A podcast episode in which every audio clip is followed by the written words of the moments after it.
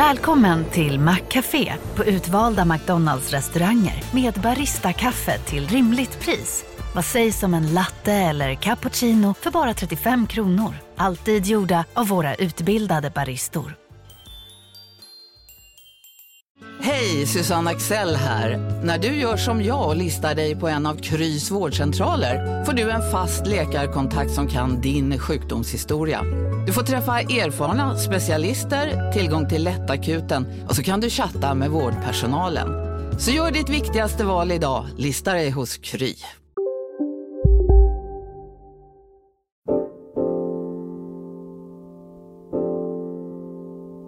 Från Monopol Media, det här är Kapitalet. Jag heter Gunnar Harjus. Jag heter Jakob Bursell.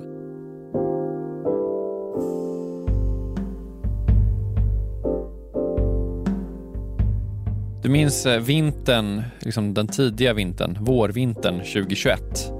Jag vet inte om jag gör det faktiskt, men, men äh, vaga minnesbilder kan jag nog återskapa. Ja, eh, det var i alla fall pandemi, eh, världens alla börser och eh, obligationsmarknaden var liksom skakiga. Mm. Det pratades på riktigt om liksom pandemin som så stresstestet som faktiskt skulle kunna sänka hela världsekonomin det var liksom tufft där ute helt enkelt. Det var det verkligen och, det var fraktproblem och Panamakanalen och liksom supply chains och all, allting spädde på den här känslan av att världen höll på att gå riktigt snett ett tag. Mm. Men så plötsligt då, från ingenstans egentligen, så började en liten grupp människor som snart blev en större grupp människor tjäna pengar. Vi ska tala om ett generationsbråk i de stora pengarnas värld. Om hur hundratusentals aktiesparare runt om i världen via sociala medier kommer överens om att sätta åt finansmarknadens mest mäktiga spelare. I centrum fanns GameStop-aktien Kampen om aktien GameStop började då med att det kom fram att en massa Wall Street-firmor hade blankat, alltså eh, bettat emot tv-spels retailfirman eh, GameStop. Och de såg ut att få rätt i det här bettet. När det kom fram så bestämde sig någon slags vag samling, primärt yngre människor, sig för att driva upp priset på aktien genom att eh, ja, helt enkelt köpa och köpa och köpa. Just det, och det var den perfekta den perfekta dramaturgin. För det är alla de här liksom hemmasittarna, kill, liksom killar och tjejer som sitter framför datorn under pandemin. Killar, vi kan vara ärliga. killar som sitter framför datorn under pandemin. Eh, det har också typ betalats ut lite så bidrag till amerikanerna så det finns lite mer pengar på kontot kanske. Mm. Eh, det finns massor med nya appar där man kan spekulera. De är på forum och det bildas någon slags liksom subkultur där man, där man ska liksom gå emot de här hedgefonderna. Exakt, primärt så är det Reddit-forumet Wall Street Bets som används. Och det här gick ju rätt bra för dem, åtminstone till en början. Och när det här liksom började kom upp till ytan så pratades det om att det här var någon slags så här aktierevolution. Att den lilla människan, alltså the retail investor, hade tagit makten från så stora stygga Wall Street. Och snart så växte det också från GameStop till massa andra aktier eh, som Wall Street hatade men som internet inom stationstecken gillade eh, och då så drev internet upp priserna på, på liksom massa aktier. Just det. Det här var också tiden då du och jag fick sitta i typ tv och radio och prata om eh, spekulation. Verkligen. Det var, det var ett mm. halvtidsjobb bara det. Det var tider. Ja. Ja. Memestocks var ju det som man döpte det till i alla fall kan man ju säga. Exakt. Ja. Du, vi hade ju en lite äldre kollega ett tag eh, som liksom pratade om memes. Behöver man förklara vad memes är? Ah, okay. det, det, det, det, påminner lite om, om uh, Studio 1 när, när, programledaren skulle intervjua en gäst om, om de, uh, woke-ideologin. Då. Ja, ah, woke. Ja. Ah, ah, ja, nej, men memes är ju, eh, vad ska man säga, det, är ju, det har ju blivit mycket mer. Från början var det liksom skämtbilder på internet kan man säga, men en vag samling ibland återkommande skämt. Typ. Och, och vad är då memestocks? Memestocks är ju då eh, aktierna som det skämtas om kan man säga och som man man liksom köper och man snackar upp men man, man gör det ironiskt men man gör det också på riktigt. Det finns liksom någon slags typ konstig halvverklighet där, där det här pågår. Typ. Just det. Mm. Och där folk liksom mot bättre vetande gick liksom började köpa saker och man skulle typ förlora allt men det var bara kul ändå för att det skulle gå till månen och så vidare, eller hur? Ja men precis. Man, man kan väl säga att memestocks är liksom så samlingsnamnet på alla aktier som internet gillar eller skämtar om att gilla Eh, och som då liksom diskuterades på de här forumen. Ja, men oavsett om det fanns något liksom fundamentalt skäl att tycka om dem eller inte? Eller Verkligen. Alltså, fanns det fundamentala skäl att tycka om dem, då var det väl inte intressant. Liksom.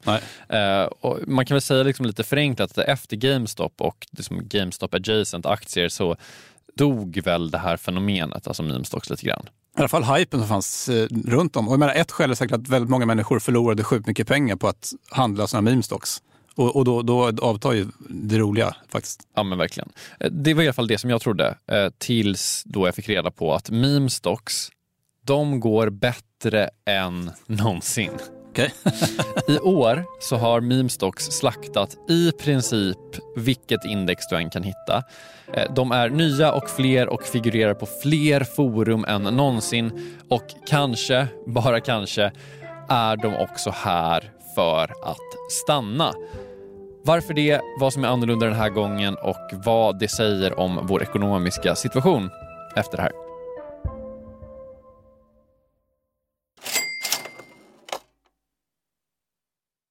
Kapitalet sponsras av SPP och Storebrand Asset Management. Eh, Storebrand och SPP hör ju ihop sedan många år och utan att gå in på några detaljer här och nu så kan vi i alla fall säga att eh, Storebrand förvaltar över 1200 miljarder kronor, bland annat åt just SPP. Och du har ju träffat Storebrand, Jakob, och pratat om eh, Kina Ja, eh, vi, vi pratar i alla fall om hur Kina blivit en sån otroligt viktig del i omställningen av energisystemet. över 70 procent av värdekedjorna inom vind och solkraft kontrolleras av Kina, vilket mm. är otroligt när man tänker på det. Ja. Och Det handlar om att Kina väldigt tidigt insåg att energi är makt och att man genom sol och vindkraft kan göra sig typ fri från att importera olja och gas och sånt. Then if you think that tomorrow or today's you know power base is going to in a large part be about renewables, then obviously having a stranglehold on those renewables and all the technologies that go into it is going to be part and parcel of that power play. Eh, det här är då Philip Ripman som ansvarar för Storbrand Global Solutions, eh, en fond som investerar i lösningsbolag över hela världen. Mm. Och hela det här avsnittet om Kina och geopolitiken som nu liksom är invävd i den globala omställningen, eh, den släpper vi som en bonus här i kapitalet nu i veckan.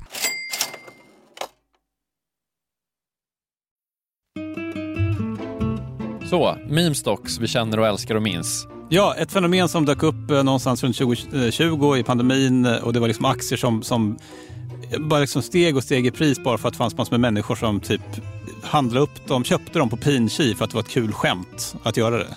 Ja men precis, eh, det är väl ett sätt att beskriva det. Man kan ju också säga så att den utlösande händelsen som liksom katapulterade upp memestocks i, till, liksom, till det allmänna medvetandet eh, det var ju då det som hände kring GameStop eh, som är så då en butikskedja som sålde tv-spel som många amerikanska ungdomar och yngre vuxna hade en, typ en så stark relation till. Man hängde på The Mall och köpte Zelda eller någonting mm. på, ja. på GameStop.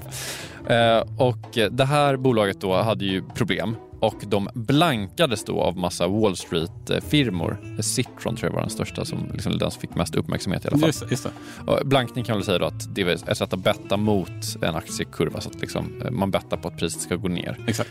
Det här upptäcktes då på några internetforum. Eh, ett av dem hette, eller heter Reddit Wall Street Bets eh, och, och där skriver man då ironiskt eller inte ironiskt om aktier och det man liksom landade i på de här forumen det var väl typ så här vet ni vad, fuck de här.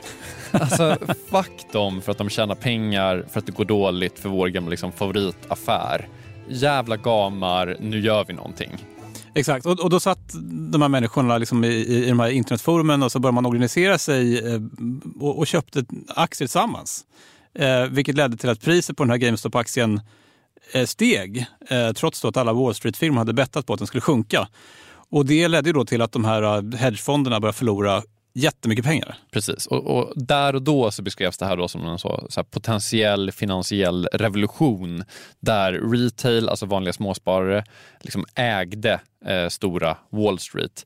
Eh, men det beskrevs också som olaglig, kanske olaglig i alla fall, marknadsmanipulation.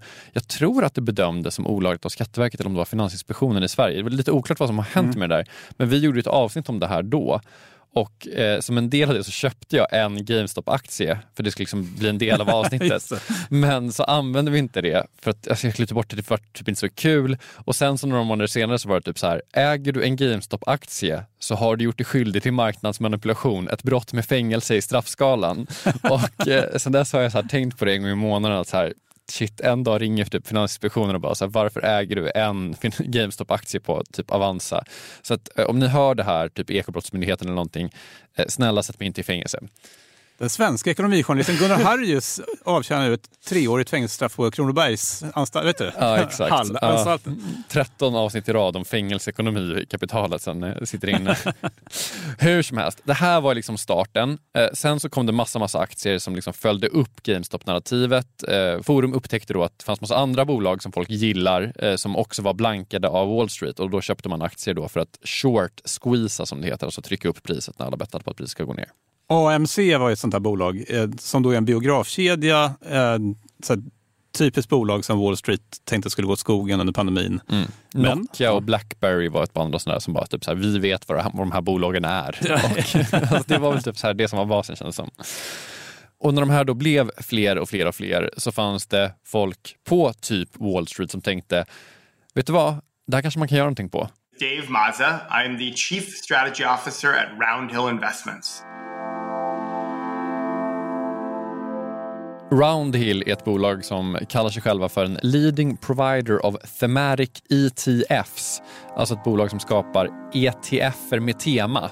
Precis, och ETF då, det brukar man översätta till börshandlad fond då, på svenska. Precis, Exchange Traded Fund på engelska. Alltså det är en fond där man kan liksom stoppa in lite vad som helst egentligen. Eh, och en skillnad mellan en ETF och en vanlig aktiefond eller sådär är ju då att en ETF prissätts liksom i realtid hela tiden. Eh, till skillnad från en vanlig fond då, som väl bara prissätts en gång om dagen tror jag, i slutet av dagen. Typ. Just det. Ja. Eh, man kan väl säga att det typ så här är en lite sexigare fond. I'm gonna say, uh, uh, well, look, as you as you say, we're, I'm biased here. I think they're fun, but to be honest, you can get the most boring investment possible in an ETF or the most fun. The great thing about an ETF is you can go long, you can go short, you can use it in different ways in different types of accounts. So that's one of the reasons why globally ETFs have exploded um, over, over the past uh, few decades. Och det är ganska vanligt att det är liksom aktier i en sån här ETF. Eh, men det behöver inte vara. Det kan vara guld, det kan vara andra grejer också. Och det finns ju ofta liksom regler som säger vad som ska köpas och säljas så att det inte behövs liksom 14 analytiker och 15 börsmäklare som ska sitta och driva fonden. Det är ja. mer liksom datorstyrt. Ja men exakt. Det är jättelänge pratats om en bitcoin ETF i USA som ett sätt att handla krypto på, på börsen. Men det är så här, ja, massa regelverk som, som omgärdar det där då. Men, men det är då inte en, en råvara eller en bitcoin-ETF som Roundhill och Dave Mats håller på med utan eh, han har varit med och startat en meme-ETF. Alltså en fond där de här liksom meme-stocksen är typ samlade och representerade. En fond med Nokia, AMC och GameStop. Ja men precis, även om inte GameStop och Nokia är kvar i den tror jag. Eh, men det började såklart efter den här GameStop-grejen. Eh, det var liksom under pandemin, folk hade haft mycket tid hemma, många hade börjat investera, GameStop hade kommit och gått och Dave Matza och hans kollegor som följde bara det här väldigt nära. You know, we said, is there something actually related about these names? Is there something that is not just people picking them out of a hat? And we found that really the association is with social sentiment. It's with people using message boards, uh, people using you know everything from uh, what was once formerly known as Twitter uh, to to Reddit to other to discords to talk about stocks, talk about investments that that they're interested in, and also targeting those companies that that maybe are being purchased and owned by hedge funds, so high short interest, sort of unloved by Wall Street, but loved by Main Street. Uh, and we said, how do we package this idea in an ETF? And, and that's what we did um, when we launched Meme uh, in 2021. Så basically vad man kollade på var de här två sakerna. Vilka aktier pratas det om på de här forumen och vilka aktier är kortade av Wall Street? Och sen har de någon slags typ AI som, som skannar alla forum på nätet eller? Ja, precis. Det är som mardrömsjobb annars att bara sitta och, och hålla koll på alla. Så vilka aktier, fan vad hemskt. Men, nej, men de har någon sån language model som är så populär nu för tiden och eh, den trålar då massa forum och avgör om det finns typ så ett positivt eller negativt liksom, prat på de här. Så tar den fram någon sån score som är social sentiment kring aktier. Och eh, efter det så görs det också ett liksom, mänskligt urval också. Sen så går de igenom då alla blankningar, för blankningar är ju typ, om man blankar tillräckligt stort, om man är en Wall Street-firma, då måste man liksom skicka in ett papper på att nu har jag blankat en grej. Eh, så det är ju liksom offentlig information. Och sen så korsar man allt det här och så, så landar man då i ett gäng olika aktier som man fyller den här ETFen med. It's not just that one or two names that people might think about, it actually rebalances every two weeks.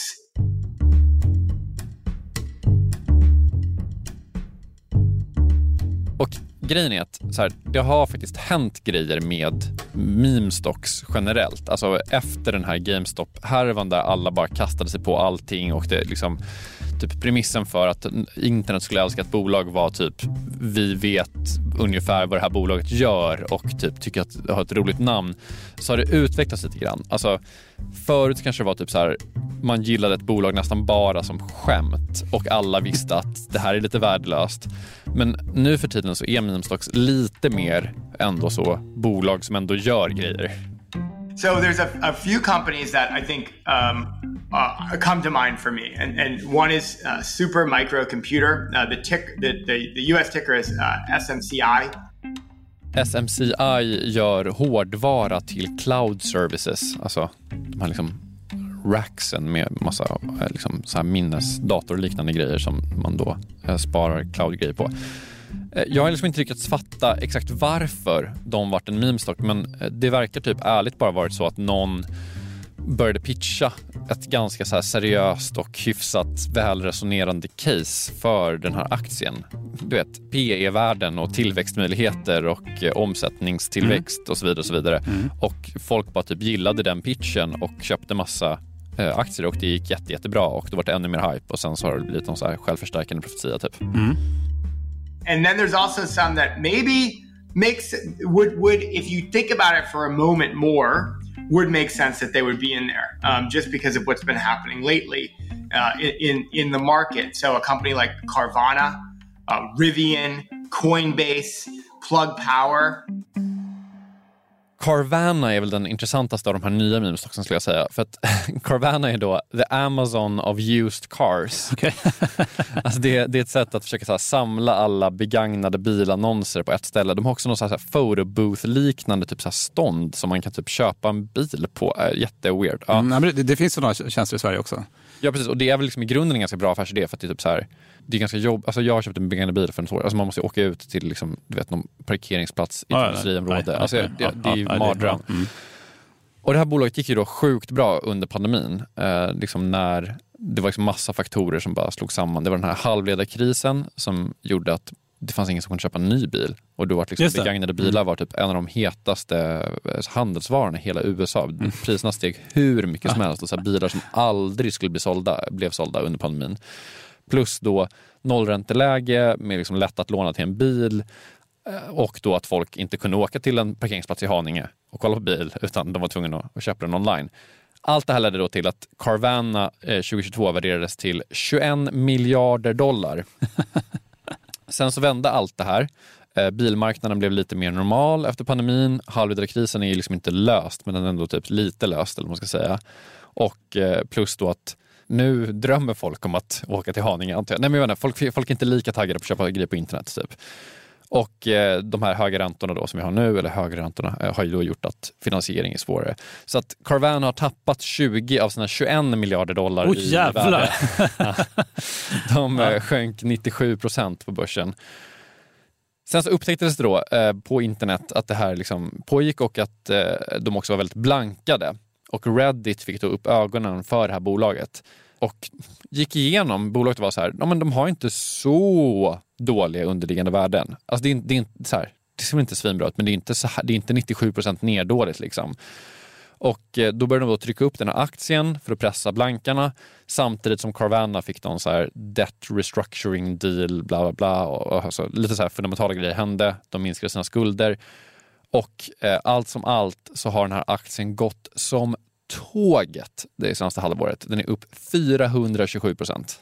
Men, men det här är ändå liksom inte det här... äh, Jag får inte riktigt samma vibb som de här första memestocksbolagen som där det var nästan, typ, grejen var ju typ att det skulle vara ett skitbolag. Ja. Och, och grejen var att man skulle få det här löjliga bolaget att gå upp, även om det skulle typ kosta en, liksom den sista besparingen. Ja precis, det var liksom nästan nostalgiskt också på något sätt. Eh, exakt. Så är det här då liksom Memestock 2.0 vi ser? I, yeah, exactly. I, I think that's a good characterization of, of what we're seeing.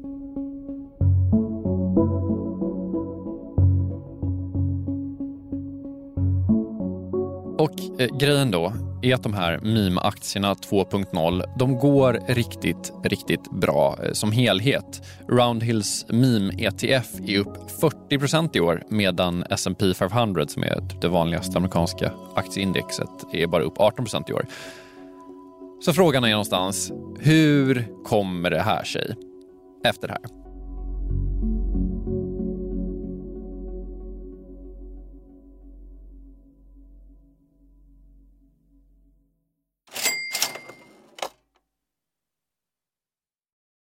Jakob, vi har ett samarbete med Pareto Business School och det här är jag rejält nyfiken på. För Ja. att eh, så här, vi jobbar ju sida vid sida, bokstavligen, sitter bredvid varandra och då och då så håller du upp ett finger och säger nu måste du vara tyst i en timme för nu ska jag eh, göra något Pareto.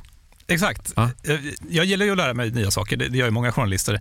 Eh, Så den här våren går jag då en åtta veckor lång så kallad mini-MBA. Eh, Alltså jag hade gärna gått riktig MBA också, men, men eh, ja, jag har inte tiden det kräver och, framförallt ingen arbetsgivare som vill betala 800 000 för att låta mig göra det. Nej, eller kanske du har, du är ju arbetsgivaren. Ja, snål, snål arbetsgivare. Mm.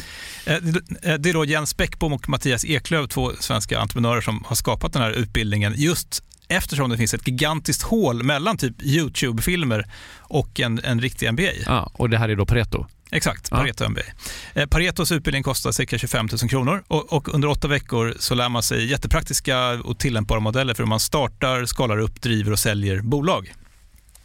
Eh, Jens och Mattias eh, de håller själva i många av föreläsningarna. De är garvade entreprenörer båda två. Mm. Och har man så olika gästföreläsare som kom in. Mm. Typ någon kille som, som eh, var expansionschef på Spotify, någon som körde marknadsföring på Revolut, eh, en kille som driver Sveriges största campingkedja, Mm. som har varit med i kapitalet faktiskt, Okej. Johan Sör. Ja. Ja, just det. Också varit en helt otrolig svensk eh, entreprenör som byggt massor med grejer i Vietnam. Alltså makalösa berättelser. Ja, wow. Eh, Så den här kursen består av en blandning förinspelade moment och seminarier, men man går också i då så här kohorter tillsammans med andra deltagare från Sverige och utlandet. Jättenyttigt, eh, tidseffektivt och funkar jättebra för, för den som vill driva egen verksamhet som, som typ vi gör här. Eller om man typ driver projekt och affärer i större bolag. Wow. Om man är taggad på att eh, bli en del av den här, liksom, vad ska man säga, Jakob i skolan om man vill bli som dig, lära sig lika mycket som, som du har lärt dig, vad, Ja. vad gör man då? Eh, Nästa kursstart är 5 april. Eh, Så vill man ta ett kliv framåt eh, i sin utveckling eller karriären eller så, eh, gå då till arbetsgivaren och kolla om du inte kan gå den här utbildningen. Eh, Priset ligger alltså på 2500 euro, men ni får 10% rabatt om ni anger Monopol Media som referens när ni eh, gör er anmälan. Mm. Eh, Man kan också gå in på paretoschool.com för att eh, läsa mer och ja, se lite smakprover från själva utbildningen. Då. Mm. Så att eh, man sparar jättemycket pengar för att gå Handels MBA och man sparar ytterligare pengar om man tar del av eh, Monopol Media-erbjudandet. Ja, exakt. Ja, en no-brainer som vanligt, Plus att man blir ju eh, alumnkollega med mig då. verkligen. Så stort, stort tack till eh, Pareto Business School och eh, gå in på paretoschool.com.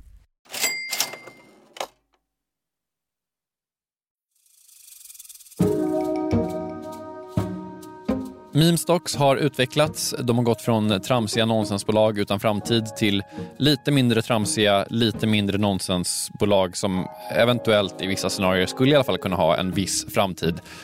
Och eh, det går bra för dem. Eh, upp 40% i år. Eh, folk på internet jublar. Folk som har blankat jublar inte. Men, och det är så att eh, en gemensam nämnare är att de alltid är typ blankade bolagen. För att den ska gå in i den här ETFen, ja. ja, Ja. Så, så det är liksom de två faktorerna som, som man håller på med. Ja. Men det är intressant. Va- varför det går bra för de här? Ja, alltså aktier i största allmänhet att göra? I think a lot of it has to do with people came into this year incredibly bearish. If you look at every economist surveyed by Bloomberg projected a recession uh, that we know has not materialized at all. And in fact, the economy has shown some incredible resiliency, particularly on the consumption side. And so, with that being the case, people who were really bearish were offsides. And those people that were willing to take risk, um, willing to say, hey, this economy is not as bad, earnings are going to be better than expected, which they have been. Let me take let me take some risk. Meme is at the very far end of that risk spectrum. Eh, så, så Mimax är det typ de mest riskfyllda aktierna som finns. Hög risk, det betalar sig när marknaden går bra och marknaden har gått mycket bättre i år än vad kanske många befarade då. Ja men precis och när den går dåligt då så går ju riskfyllda saker riktigt dåligt.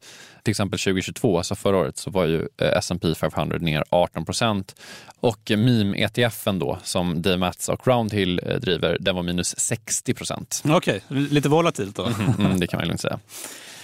Men eh, det finns ju massa sådana här extrem risktillgångar där ute som, som går bättre än index när det går bra och, och jättemycket sämre när det går dåligt. Eh, så man kan fråga sig, så här, behövs det en till? Liksom, vad tillför de här eh, meme stocks, ETFen? Jag tänker, är, det typ bara för att förenkla för de här eh, hemmasittarna att eh, liksom, här kan du komma åt våra meme-stocks utan att behöva köpa en, en individuell aktie. Typ. Du kan diversifiera ditt meme-stocksparande här med vår ETF.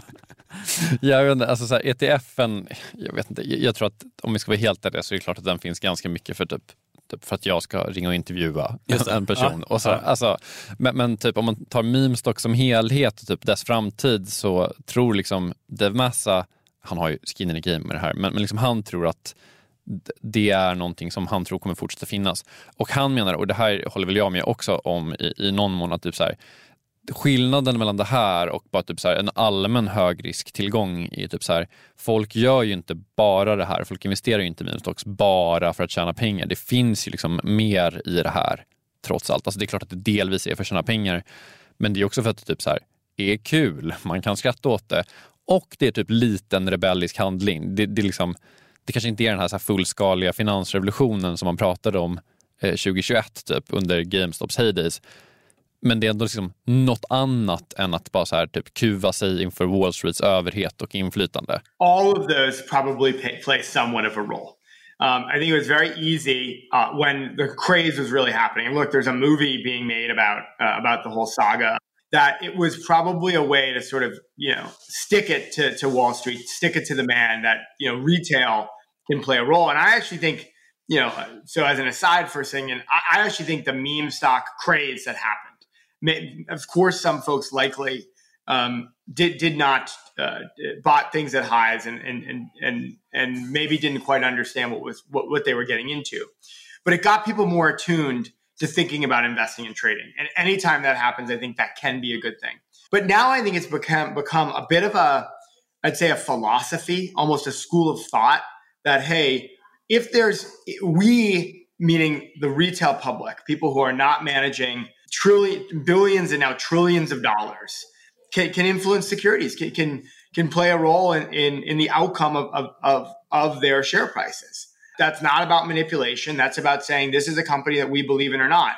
There's so many companies out there that you'd say, does that multiple make sense? Are they really earning uh, or they're going to earn what, what people believe they're going to earn going forward? So the beauty of uh, the beauty of the stock market is that there's a level playing field for investors to make decisions uh, whether they are managing $10 or $10 uh, on a daily basis. Jag tror också att den här, den här meme-stock-grejen som dök upp 2020 den förde ju in liksom ett helt nytt element i aktiemarknaden som folk inte hade liksom tagit i beräkning riktigt tidigare. Och, och, och en viktig del var ju dels liksom att det plötsligt fanns liksom mer pengar i omlopp för att det var massor med bidrag som gått ut.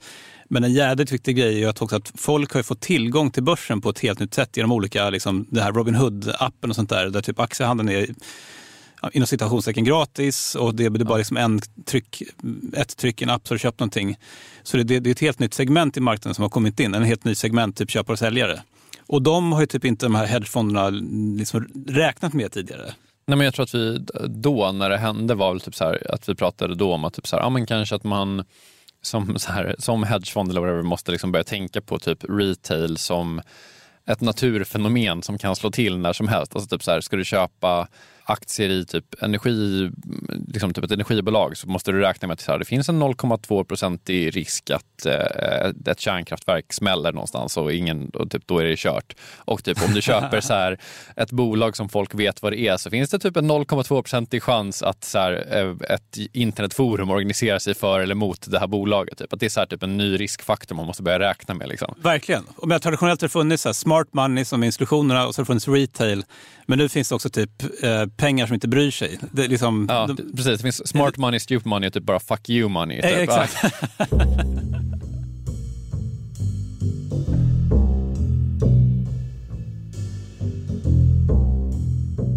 Men eh, om man ska svara på frågan om det här kommer överleva, eh, om det här liksom kommer fortsätta vara en grej, så, så menar då Dave Matz att ja, eh, det här kommer nog vara en grej, men vi kommer kanske liksom sluta tänka på det som en grej. Vi kommer kanske sluta tänka på det som meme stocks, utan vi kommer kanske bara mer tänka på det som typ retail-aktier eller vad som helst. Alltså, det kanske inte kommer vara typ en grej att folk pratar om aktier på sociala medier eller på internet för att, liksom så här, att det är typ inte en sjuk händelse. Vart, vart annars skulle man prata om, om, aktier om inte på sociala medier på internet? Man pratar ju om allt på internet hela tiden. Liksom. Jo, men, men det är klart, det, är ju, det betyder någonting om folk pratar om någonting i stor skala på internet så ger det någonting. Ja men exakt, men det är ju alltså så här, typ fenomenet som är typ så här, de pratar om aktier på internet. Alltså typ att det kommer sluta vara en grej. För det är typ det är som att säga typ så här, nej, nej, nej, nej. så här, den nya politiken pratas om på internet. Man bara, ja, vart, vart pratar folk om saker? På internet liksom. Ja, så, så, alltså, och lite så tänker Dave Mats att det här kommer liksom utvecklas. I think the the uh, the the connection between discussions on on so in social media or on platforms and the, uh, is, is likely not going away. And then the idea that companies are being targeted with high short interest, it's, it's very, people can find what, what, what that is. Um, so I, I think a phenomenon that we're not going to see go away. It, it has evolved. I think it used to. Uh, Wall Street probably, hopefully, respects retail as a group more. Um, and like I said, I think it's awesome that retail investors now can play a role in markets. Och då återstår väl egentligen bara en fråga. Ska vi investera eller inte? det är klart vi ska investera i det här. ska jag? Nej, men hur kommer det gå? Det, det finns liksom ingenting svårare än att förutspå framtiden. Uh, och as far as förutspå framtiden goes så verkar liksom meme stocks vara extra svåra att förutspå. Men jag menar så här, titta ut genom fönstret, det ser liksom inte svinbra ut för något just nu. so my view is I, I, think about the world from kind of different durations. I think we're going to be hopefully getting some further confirmation on what the interest rate hiking cycle looks like. Are we going to get one more? Um, is the Federal is the Federal Reserve and other central banks that are raising rates kind of generally following a similar path, like the ECB and others? So my view is in the short term, not a lot of action here, but I'm actually more positive heading into the back half of the year than um, I think perhaps other people are. But I do have some question marks about 2024 because that's less that saying we're going to be going into a recession or something of that nature. It's just we are we are seeing strong strong earnings, but they would have to keep continuing to, for these valuations to make sense. So a little bit more cautious um, over kind of the medium to longer term.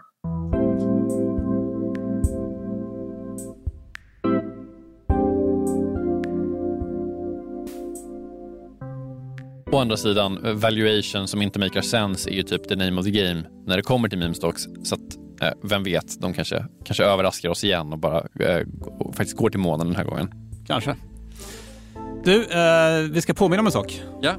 Um, vi har ju vår One Night Residency på Scalateatern. Det är Henrik Dorsins teater som nu öppnar efter en lång renovering. Mm. Och vad kunde vara bättre att uh, återinviga Scalateatern, denna anrika kulturinstitution i Stockholm med en liveshow med inga mindre än Follow the Money och kapitalet. Alltså, jag, nu har du lite ironisk röst, men alltså, på riktigt så är det ju så att Scalateatern är typ en av Stockholms härligaste platser och typ kom för teatern men stanna för kapitalet. Eh, tycker jag man kan tänka. Alltså, det, det, det, biljettpriset är värt bara för att få hänga typ några timmar på Scalateatern och sen så kommer vi och Follow the Money göra eh, något härligt roligt och, och intressant också dessutom. Exakt. Så att, eh, köp biljett till det. Eh, jag länkar i avsnittsbeskrivningen. Eh, snälla kom. Tills dess, det här har varit Kapitalet med Gunnar Harris och Jakob Bursell. Kristoffer Krook har mixat och ja, hej då. Hej då.